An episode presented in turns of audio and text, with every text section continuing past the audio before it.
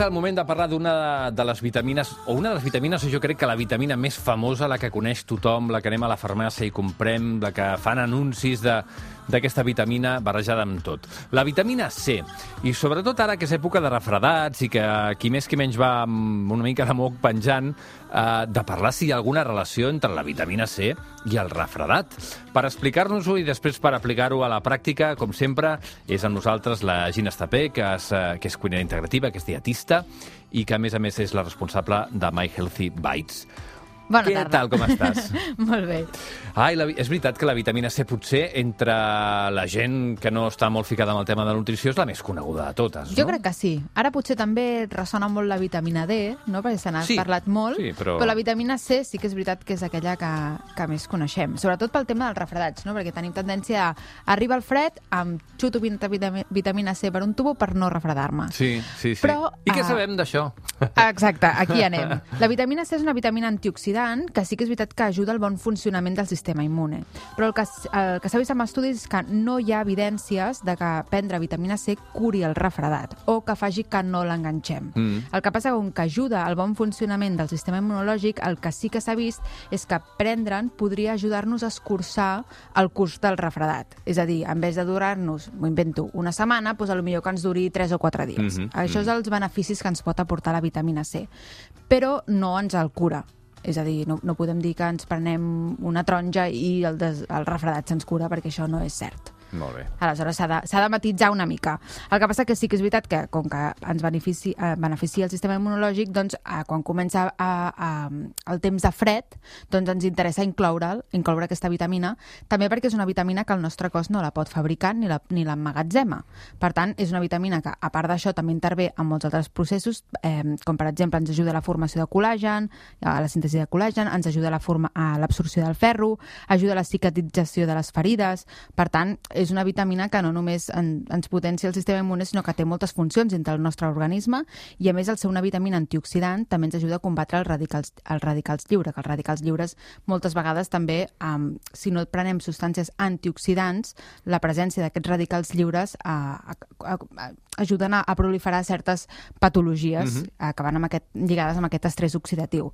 Per tant, és una vitamina que necessitem prendre-la. Però no només durant l'hivern, que moltes vegades és aquesta la mentalitat que tenim, no? que arriba el fred, vitamina C per un tubo, però la resta de l'any ens n'oblidem. No, és una vitamina que hem d'anar prenent recurrentment. Ara explicarem de quins aliments estem parlant quan parlem de vitamina C. Evidentment ja sabeu que estem parlant sobretot de, bueno, exclusivament de verdures i de fruita. Exacte. Uh, però, uh, com la resta de vitamines, uh, la gent també té molta tendència a pensar, com que les vitamines, i això serveix per totes, eh, i els minerals, però sobretot vitamines, com que són bones, en prenc moltes, perquè si una quantitat X és molt bona, X per 2 serà el doble de bo. Exacte. I això no és exactament així. Les vitamines funcionen quan tenim el nivell que correspon a l'organisme i més no és millor. Uh, de vegades fins i tot pot ser contraproduent, eh? segons quines vitamines, per exemple, la A. Eh? Exacte, Que les, semblar liposolubles, seria- no? que són aquelles que contraproduent, s'emmagatzemarien. Si ens passem a la vitamina C, el màxim que ens pot passar és que anem una mica fluixos de ventre i ja està, no? Exacte, en perquè principi el cos l'elimina, no hi perquè és problema. hidrosoluble, no? I menys amb l'alimentació, que normalment els aliments eh, rics en vitamina C que consumim no em porten dosis tan extremadament eh, elevades com per agafar un empatx de vitamina C. Però, ojo, aquelles persones que aneu a la farmàcia i us compreu suplements de, exacte, de com més millor i us els preneu perquè tampoc seria, tampoc seria l'ideal. Mm -hmm. Molt bé, doncs uh, vitamina C. Mm, recordeu que la vitamina C és aquella vitamina C que feia que els uh, mariners fa infinits anys, estem parlant del segle XV-XVI, uh, malaltissin d'escorbut, uh, perquè Exacte. durant aquests viatges tan llargs en alta mar no podien prendre verdures fresques o fruita fresca, no sabien per què, perquè en aquell moment les vitamines no s'havien descobert, trigarem molts, molts anys a descobrir-se, i no sabien per què, però de cop i volta malaltien d'aquesta malaltia, que és l'escorbut, que precisament una de les causes és la deficiència d'aquesta vitamina, de la vitamina C. És una cosa que no passa avui en dia, anem bastant servits de vitamina C, però saber d'on la podem treure per anar relaxats també és una, una bona idea. Hem dit uh, fruita i verdures, sobretot, eh? Exacte, sobretot a, el vegetals i fruita fresca. Normalment sempre quan pensem en vitamina C pensem en la taronja, no? o en les fruites cítriques, que sí que són una bona font. La, no només la taronja, sinó també la llimona, la mandarina, l'aranja... uh, però també moltes verdures, moltes verdures que aparentment, que moltes vegades pensem vitamina C color taronja, però no totes els vegetals són de color taronja per mm. contenir vitamina C. La majoria són de color verd, que serien el bròquil, la col kale, les cols a Brussel·les, el julivert, el cibulet, la coliflor, especialment la verda, però la blanca també en porta, l'api, um, els espinacs, les bledes, totes aquestes verdures de fulla verda contenen vitamina C, algunes més que altres, però darrere aquest color verd, si poguéssim treure aquest color verd, també hi hauria un cert color uh, groguenc, mm -hmm. o per això moltes vegades quan, quan se'ls en va la clorofila, quan es penseixen es queden d'aquest color més groguenc, no? perquè moltes, bueno, de, de la vitamina C que contenen.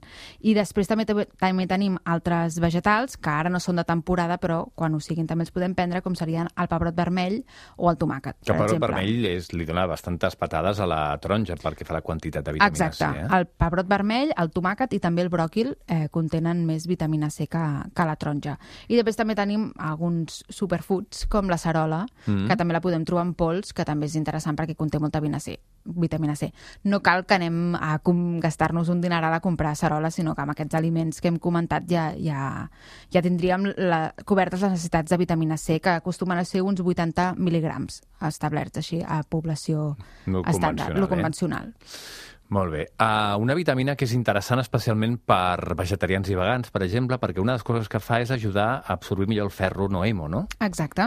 Exacte. Afegir vitamina C amb aquelles preparacions riques en ferro, a les llegums com les llenties, o fins i tot, uh, per exemple, després d'haver de, menjat un tall de carn, aquelles persones que mengeu carn, prendre una, una taronja de postres, doncs, bueno, en aquest cas no seria el ferro hemo no necessita aquesta vitamina C, però també d'alguna manera ajudaria sempre i quan també hi hagi, doncs, si acompanyen, per exemple, amb, amb altres fonts uh, de ferro no hemo, com serien, per exemple, cereals integrals mm -hmm. o les llegums, com hem comentat, doncs ajudaria a aquesta absorció.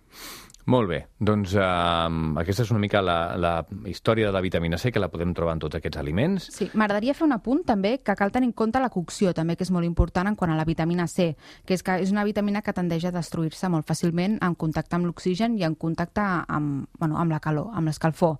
Per tant, eh, per exemple, el bròquil que porta vitamina C, com ja hem parlat també altres vegades, no podem bullir-lo eh, 10-15 minuts perquè hem perdut tota la vitamina C. Intentem escaldar les verdures i prendre-les el més eh, al dente possibles per mantenir aquesta vitamina. O fins i tot, si encara volem mantenir més, és fer amanides, per exemple, amb la kale crua, que la podem macerar, o també la fruita, evidentment, prendre-la prendre -la crua. Com maceraríem una col kale? Doncs ho veurem perquè és la recepta ah, d'avui. avui en parlarem. Eh, perquè el repte sempre és eh, menjar verdures crues, però fugint de la típica estructura de manera clàssica, on el que fem és posar enciam i no sé què, i ho barregem tot i tal, i al final quedem una mica avorridots d'això.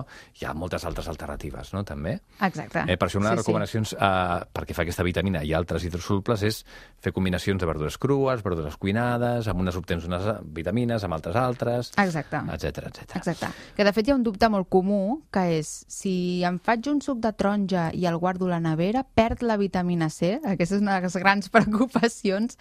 Um, I en general sí, es perd vitamina C, però no vol dir que aquell suc de taronja es quedi sense res. Vull dir, no és que sigui... Um, deixi de ser nutritiu però a veure, una miqueta sí que en perdem. Sí, però vaja, tampoc no... No, no, no és exagerat. Millor menjar-se la taronja que en... sí. fins que no la peles no comença aquest. a perdre, ja, ja ho diem sempre que això dels sucs uh, per dies puntuals està bé, però per a, com a font de vitamines i tal sempre és millor una fruita sencera que no pas el suc, eh? I, I un altre apunt puntual, abans dèiem que les recomanacions oficials estàndards són aquests 80 mil·ligrams, però que en cas de persones fumadores, que això moltes vegades no ho tenien en compte, aquestes necessitats es tripliquen. Uau. Es tripliquen perquè el tabac el que fa és generar-nos molt més radicals lliures i les necessitats de vitamina C es tripliquen per poder fer front a, a aquests radicals lliures. Saps um, 80 mil·lígrams d'on els podem treure, així ara et faig una pregunta una mica complexa, eh? però un parell de taronges serien, potser? Sí, jo per, crec per tenir una referència. Eh? Sí, un parell de taronges, o per exemple, si, si mengem una peça cítrica al dia i durant el dia ja i afegim també doncs, aquestes verdures que contenen vitamina C, jo crec que hi arribaríem. No, No no sé de memòria les, el, Sí, jo les tampoc, xifres, per això, però, per això però jo crec que amb tota això hi arribaríem. perquè si ens hem d'estudiar també tot això. um, de tota manera, que sapigueu que no és una vitamina um, que sigui conflictiva, no és difícil d'aconseguir, la població espanyola en general no és una vitamina que sigui deficitària, Exacte. per tant, en principi no seria una font de preocupació excessiva com pot ser-ho, no sé, la vitamina B12 en casos de vegans o vegetarians, que aquí sí que ens hi hem de mirar, no? Amb la vitamina C tenen una alimentació correcta, amb verdures suficients i amb fruita i tot plegat, tens tota la que necessites i més, segurament. Tenim una recepta? Tenim.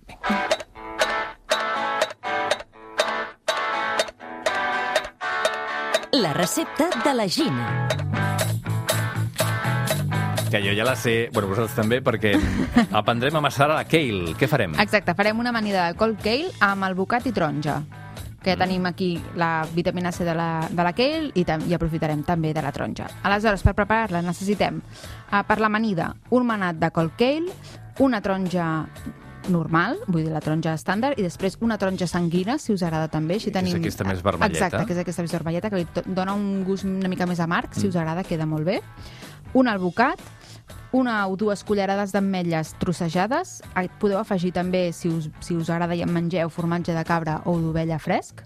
I cibulet picat, que el cibulet també ens aporta vitamina C. Aleshores, per macerar l'aquell prepararem una vinagreta amb 4 cullerades d'oli d'oliva verge extra, una cullerada de vinagre de poma, dues cullerades de suc de taronja, podeu afegir també ratlladura de taronja, i una culleradeta de mostassa d'aquesta Dijon, i un pessic de sal. Mm. Aleshores, barregem tots els ingredients de la vinagreta, netegem primer la coil kale, que netejar-la vol dir submergir-la amb aigua, netejar-la bé i treure les fulles, perquè el tronc és massa dur, aleshores el que fem és retirar les fulles de, del tronc, i aquestes fulles les podem trossejar i les barregem amb un bol juntament amb la vinagreta. Aleshores el que fem és, amb les mans, amassar-la bé com si estiguéssiu premsant-la, Mhm. ah, juntament amb la vinagreta durant dos o tres minuts. Aleshores, el que notareu és que al principi les fibres de la kale estan molt dures, però a mesura que les anem massatjant, les que les anem apretant amb aquesta vinagreta, es van estovant.